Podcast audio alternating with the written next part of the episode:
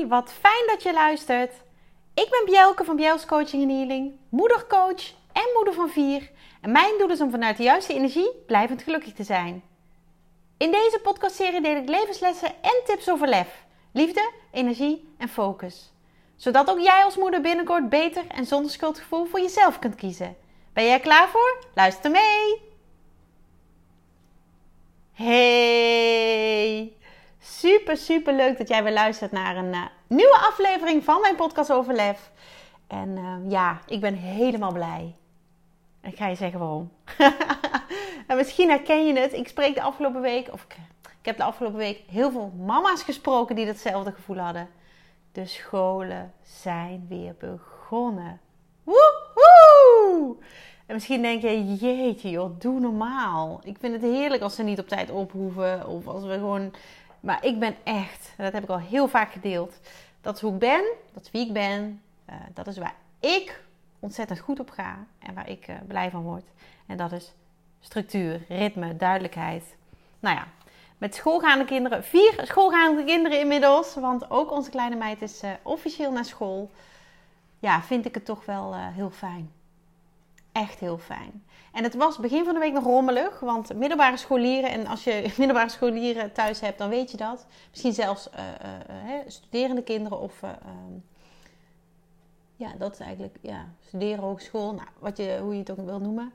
Dan is het misschien wat anders, maar um, de basisscholen begonnen gewoon maandag. middelbare school, onze oudste dochter, start op de brugklas, is gestart. En had een hele leuke paar introductiedagen. En onze uh, oudste die uh, begon dinsdag. Dus um, ja, het huis weer voor mij alleen, zo voelt het. En dat komt natuurlijk ook omdat ik vanuit huis werk. Dat heeft daar zeker weten mee te maken. Want anders kun je natuurlijk hè, de kinderen gewoon thuis laten, uh, oudste drie in ieder geval. En ehm, dan zitten ze minder in je, in je ruimte, in je space. Maar bij mij, werk en privé, zit heel dicht tegen elkaar aan. Dat is uiteraard een bewuste keuze en daar ben ik me heel, ben ik heel dankbaar voor. Ben ik me ook heel bewust van dat ik dat zelf heb gekozen. Maar het geeft mij vooral, vooral heel veel voordelen. En ehm, nou ja, die, die wil ik ook zien. Dus dit, ehm, deze week was weer een stap richting uh, ja, een voor mij gestructureerd leven, een gestructureerde tijd. En dat, uh, dat is heel fijn. Dat wil niet zeggen dat ik altijd alles maar op bepaalde momenten of tijden moet doen. Maar ik hou gewoon van duidelijkheid. Dat iedereen weet wat hij moet doen. Sport is ook weer begonnen, wat ook heel fijn is voor de kinderen. Um, ze speelden sowieso heel hoeveel wel, wel buiten in de tuin of, of uh, om de hoek. Maar ja, gewoon ook met vriendjes weer, vriendinnen weer kunnen connecten. Um, verbinden vind ik sowieso heel belangrijk. Het is heerlijk. En ik heb van heel veel mama's gehoord, ook in de Club van Moeders met Lef, dat ze daar blij mee zijn. Wij zijn eigenlijk het noorden de laatste die weer begonnen zijn met school. Uh, het midden van Nederland heeft zelfs alweer uh, drie weken school gehad. Nou, hier pas de eerste week, maar ja, ik was er blij mee. En dat waren meer moeders met mij. Dus dat wilde ik nog eventjes delen. Maar ik heb nog veel meer gehoord van mama's de afgelopen week. Afgelopen weken moet ik eigenlijk zeggen. Want de, ja, dit was iets wat, wat, wat net voor mijn vakantie speelde en wat uh, nu na mijn vakantie speelde. En waar ik zelf ook ja, ontzettend um, ja, vervelende ervaringen mee heb. En ik durf bijna te wedden dat jij dit herkent. Dat jij dit herkent. Het gaat namelijk over het durven uiten van je emoties. Hoeveel mama's, en vrouwen ook zonder kinderen, ik mag begeleiden die daarin vastzitten. Voor wie het tonen van emoties of helemaal niet lukt, of maar heel beperkt lukt, dus, dus dat er echt wel heel veel moeite voor gedaan moet worden, of voor hun gevoel juist te goed lukt. Je zou bijna denken, als ik, als ik eventjes al die verhalen uh, ja, voor de geest haal, dat, het, dat er geen middenweg is. Maar dat zit hem natuurlijk in jouw eigen perceptie, jouw eigen beleving. Ik mag een fantastische mama begeleiden. Die de afgelopen weken, maanden, zelfs wel jaren, um, met behoorlijk wat uitdagingen te maken heeft gehad. En zij heeft letterlijk het verwijt gekregen. Ik ga verder geen details noemen, maar dat ze een te hoog EQ heeft.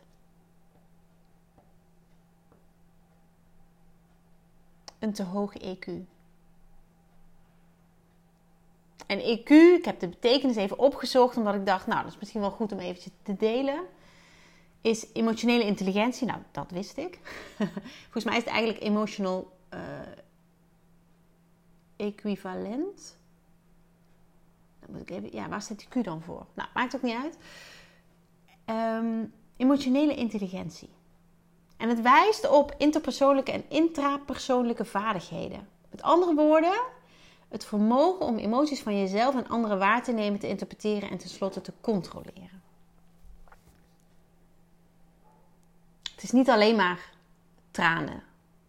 Het is niet alleen maar huilen. Het is niet alleen maar um, emoties tonen. Het zit natuurlijk veel meer.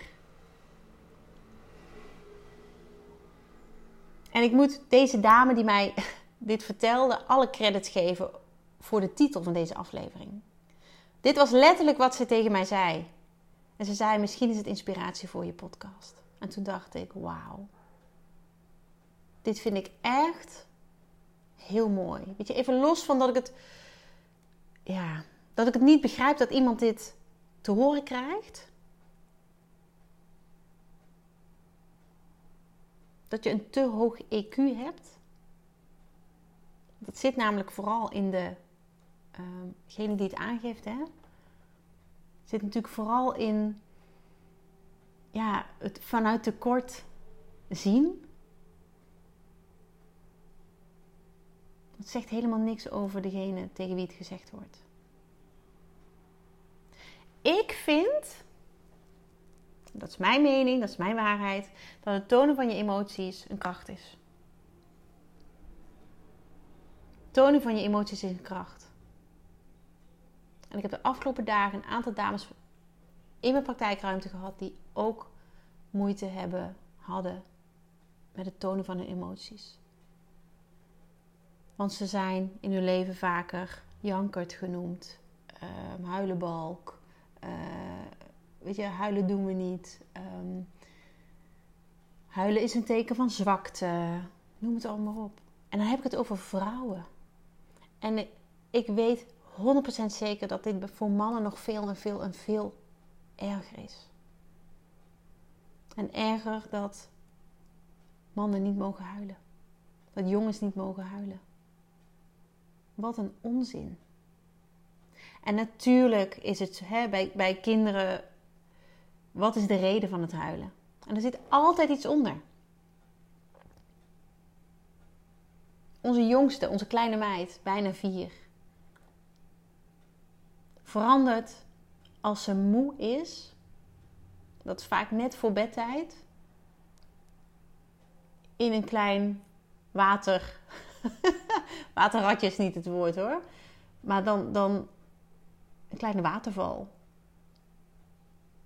Dan kan ze huilen om alles. En dat is vermoeidheid. Vervolgens slaapt ze het klokje rond en is er niks meer aan de hand. Maar er zit zoveel onder die emoties.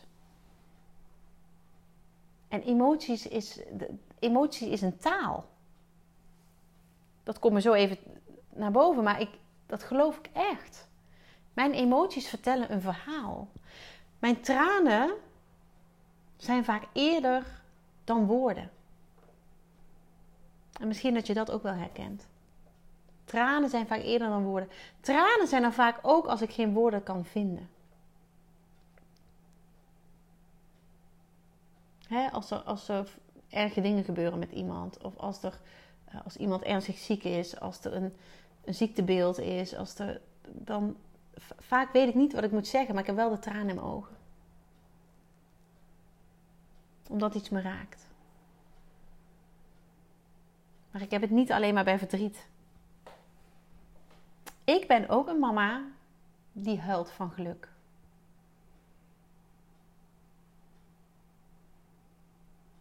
En ik vind dat iets moois. Ik heb altijd, altijd tissues bij me, zakdoekjes. Omdat ik nooit weet wanneer ik geraakt word. En dat kan ook heel mooi zijn. En ik deel daar ook open over. Volgens mij heb ik het ook gedeeld toen ik met het uh, installeren van de musical van groep 8 bezig was met de klas van mijn dochter. Dat ik daar tijdens repetities, tijdens gewoon het, het basale oefenen, bij het eindnummer de tranen over mijn wangen had.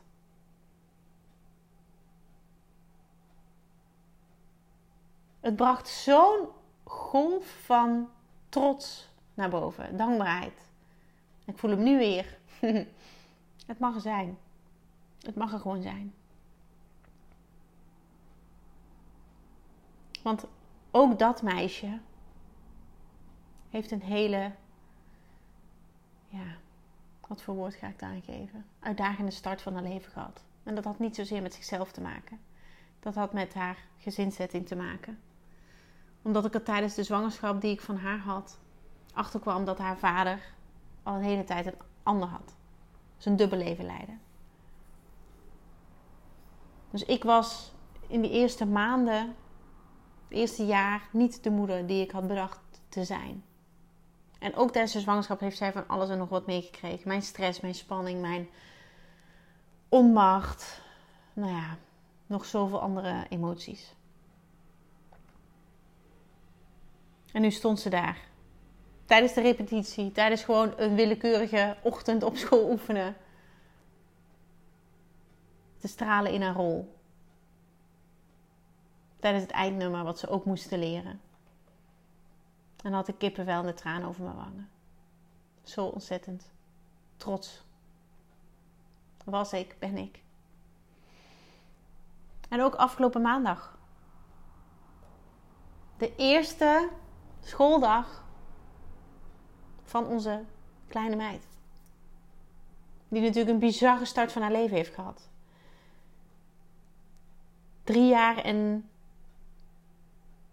elf maanden geleden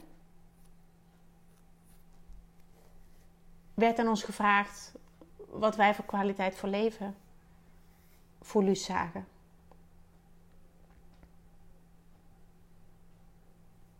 En toen zij hersenbloedingen kreeg de dag na haar geboorte, die behoorlijk impactvol en, en, en uh, heftig waren, als je spreekt van gradaties, dan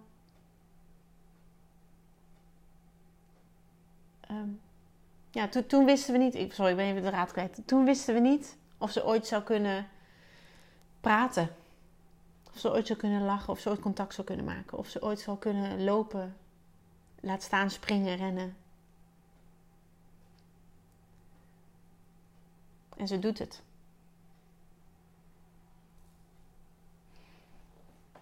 En ik hoor vaker, ja, maar het gaat toch goed met haar? Dat klopt, het gaat bizar goed met haar. Maar dat wil niet zeggen dat die, dat die emoties van haar start en alle onzekerheden en alle ehm, angsten die we toen hebben gevoeld, er niet zijn geweest. En ik heb al vaker artikelen, gelezen in, in Carfonio, uh, Kleine Maatjes. Een blad wat specifiek is voor prematuur geboren of dismatuur geboren kinderen. Waar wij zo ontzettend veel aan gehad hebben in de periode dat wij in die premature wereld werden gesmeten. De wereld van de IC, van de IC, van intensive care. Um, en, en geen idee hadden of we voor of achteruit gingen. Ik heb vaker verhalen gelezen van ouders die, waarvan de omgeving zegt: Oh, maar nu is hij thuis of nu is ze thuis en nu gaat het toch, dan gaat het toch goed. En hè, naar omstandigheden, je kindje mag naar huis, dat is een goed teken. Maar dat wil niet zeggen dat het daar stopt. Dat het dan helemaal goed is, dat het klaar is. Net als hè, een, een, een um, ja, gezond geboren kind. Of een aterme geboren kind. En ik was helemaal niet van plan om dit te delen, maar op een of andere manier komt het nu naar boven. Want haar eerste schooldag was zo'n moment. En natuurlijk is een eerste schooldag voor elk kind een moment. Ook voor onze andere drie was dat zo. Maar bij onze kleine meid is het allemaal net even iets anders.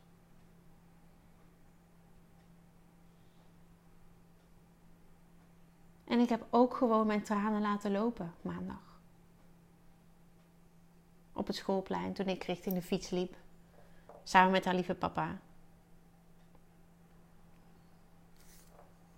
Van wauw. Dit doet ze toch maar even. Weet je, wij hadden nooit drie, maanden en elf, uh, drie jaar en elf maanden geleden bedacht dat ze, naar een, uh, dat ze überhaupt uh, naar een school zou kunnen. Hè? En dan ook nog regulier onderwijs. Dat hadden we allemaal niet bedacht. En, en we, hebben ook geen idee hoe het gaat, hoe ze zich ontwikkelt. Maar vooralsnog gaat het supergoed en, en verbaast ze alles en iedereen. En dat is zo'n gigantisch cadeau. Dat is zo'n. Ik kan gewoon bijna niet omschrijven hoe dat is.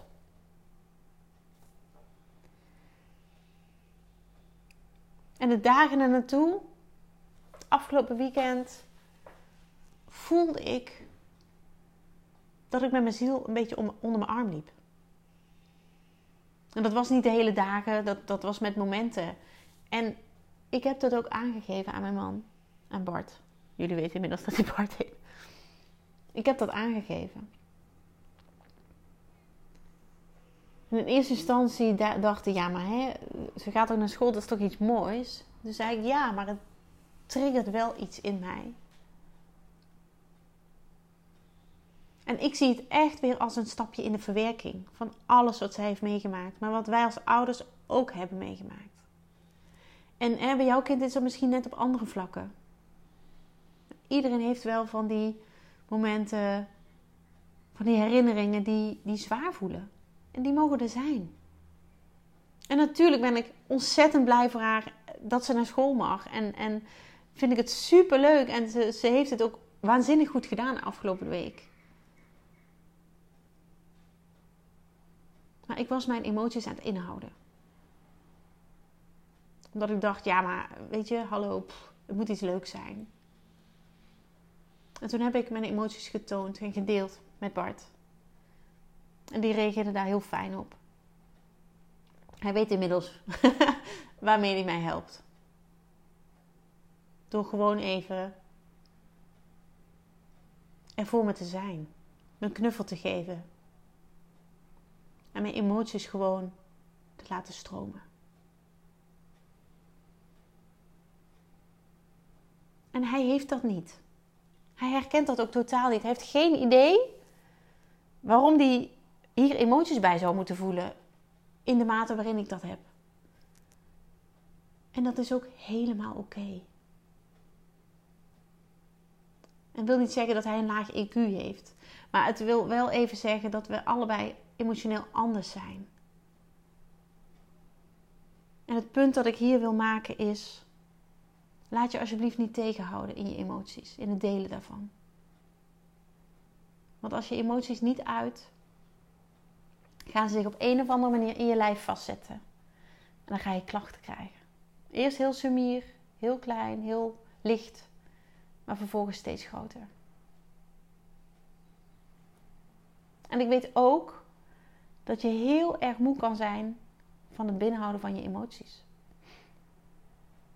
Emoties geven vaak, het niet uiten van emoties geeft vaak uh, klachten in je keel. Dat is echt het binnenhouden. Keel is een enorm emotiecentrum, net als je, je buik. Dat zit je zonnevlecht. Dat is een chakra. Maar gooi het eruit, alsjeblieft.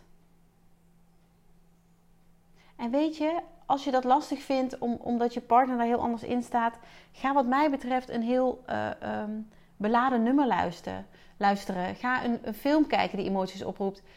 En gooi het er dan uit. Ik weet nog heel goed dat ik, uh, toen ik bij uh, Rabobank werkte, financiële dienstverlener op het hoofdkantoor. Nou, het was zo'n blauwe, zwarte, grijze pakken omgeving. Ja, ik, ik, ik was daar echt een, een, een vreemde eend in de bijt.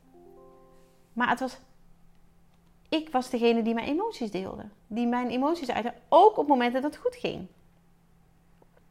Het was niet zo dat ik elke dag aan het huilen was daar. Helemaal niet. Maar aan mij kon je wel merken wat er speelde. Ten positieve, ten negatieve.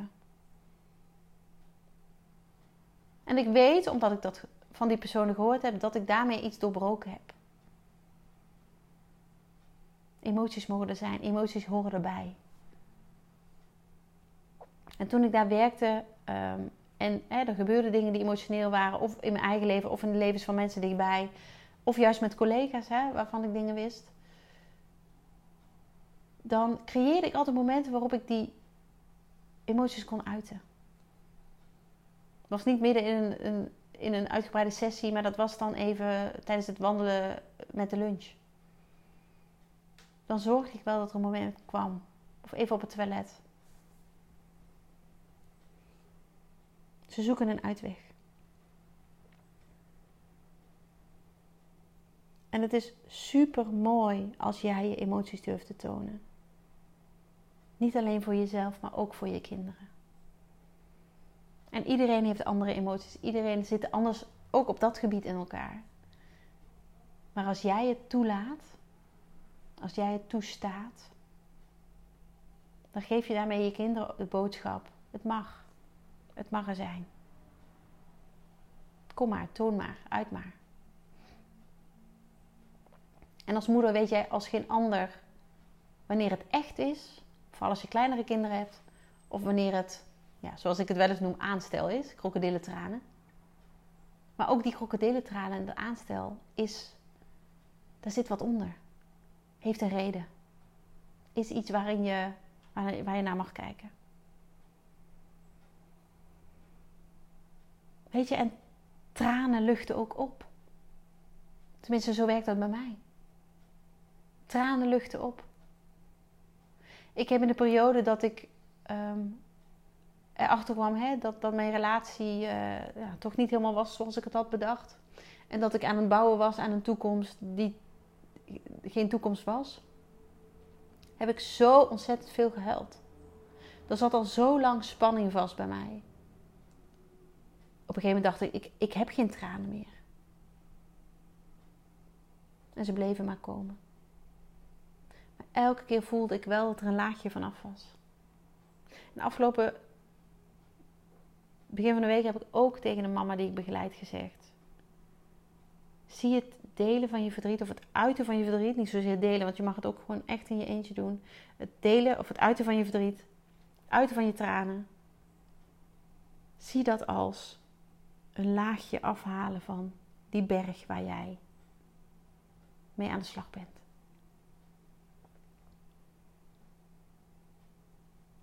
Mooie opdracht, denk ik.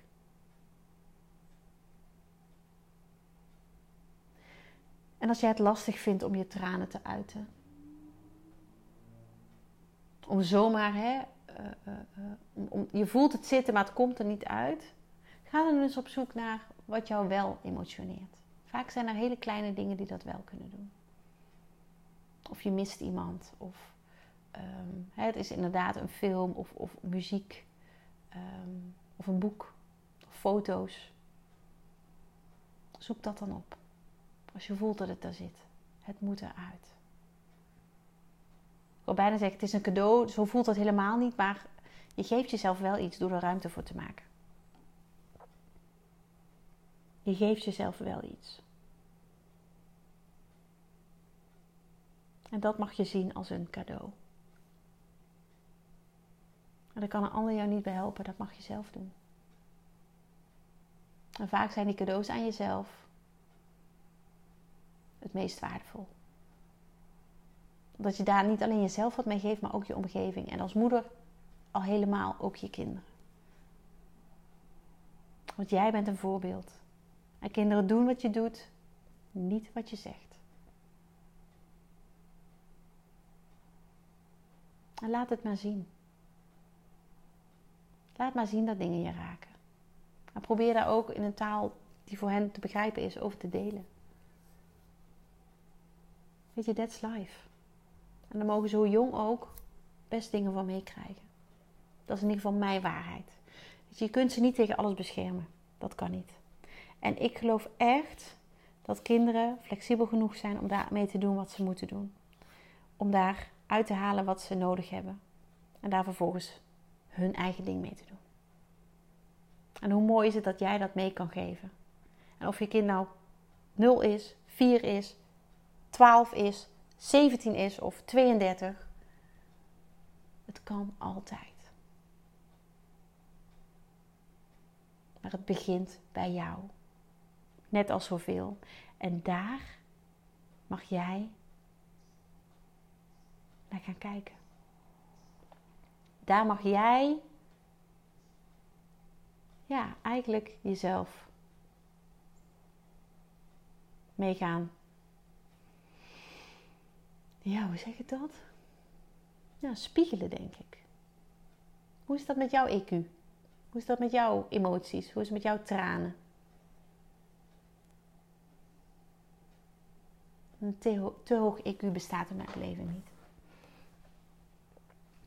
Zolang het maar puur en vanuit jezelf is en, en ja, vanuit je hart. Dan mag je alle tranen en alle emoties laten zien die jij voelt. En ik weet één ding zeker: het gaat je opluchten. Het gaat je ontzettend veel brengen. Dankjewel. Dankjewel voor het luisteren. Dagelijks inspireer ik honderden moeders om met lef te leven. Dit doe ik niet alleen via deze podcast. Je kunt je ook gratis aanmelden voor de Club voor Moeders met Lef. Hierin deel ik praktische tips, geef ik inspirerende workshops en wekelijks live sessies en coaching. Zodat jij meer balans ervaart, meer rust in je hoofd krijgt, vaker me-time neemt en dit alles zonder schuldgevoel. De club is een superleuke groep met gelijkgestemde moeders waarin ik wekelijks live ga. Hierbij deel ik tips, meditaties en kaarttrekkingen. En als lid van de club krijg je ook nog korting op mijn live events. Dat gun ik iedere moeder, dus jou ook. Join de club en ontdek hoe jij, net als de andere moeders, met meer lef kunt leven, zodat je meer kunt gaan genieten. Ga naar bjels.nl slash club en meld je aan. Ik heet je graag van harte welkom. Nogmaals, dankjewel voor het luisteren en heel graag tot de volgende keer.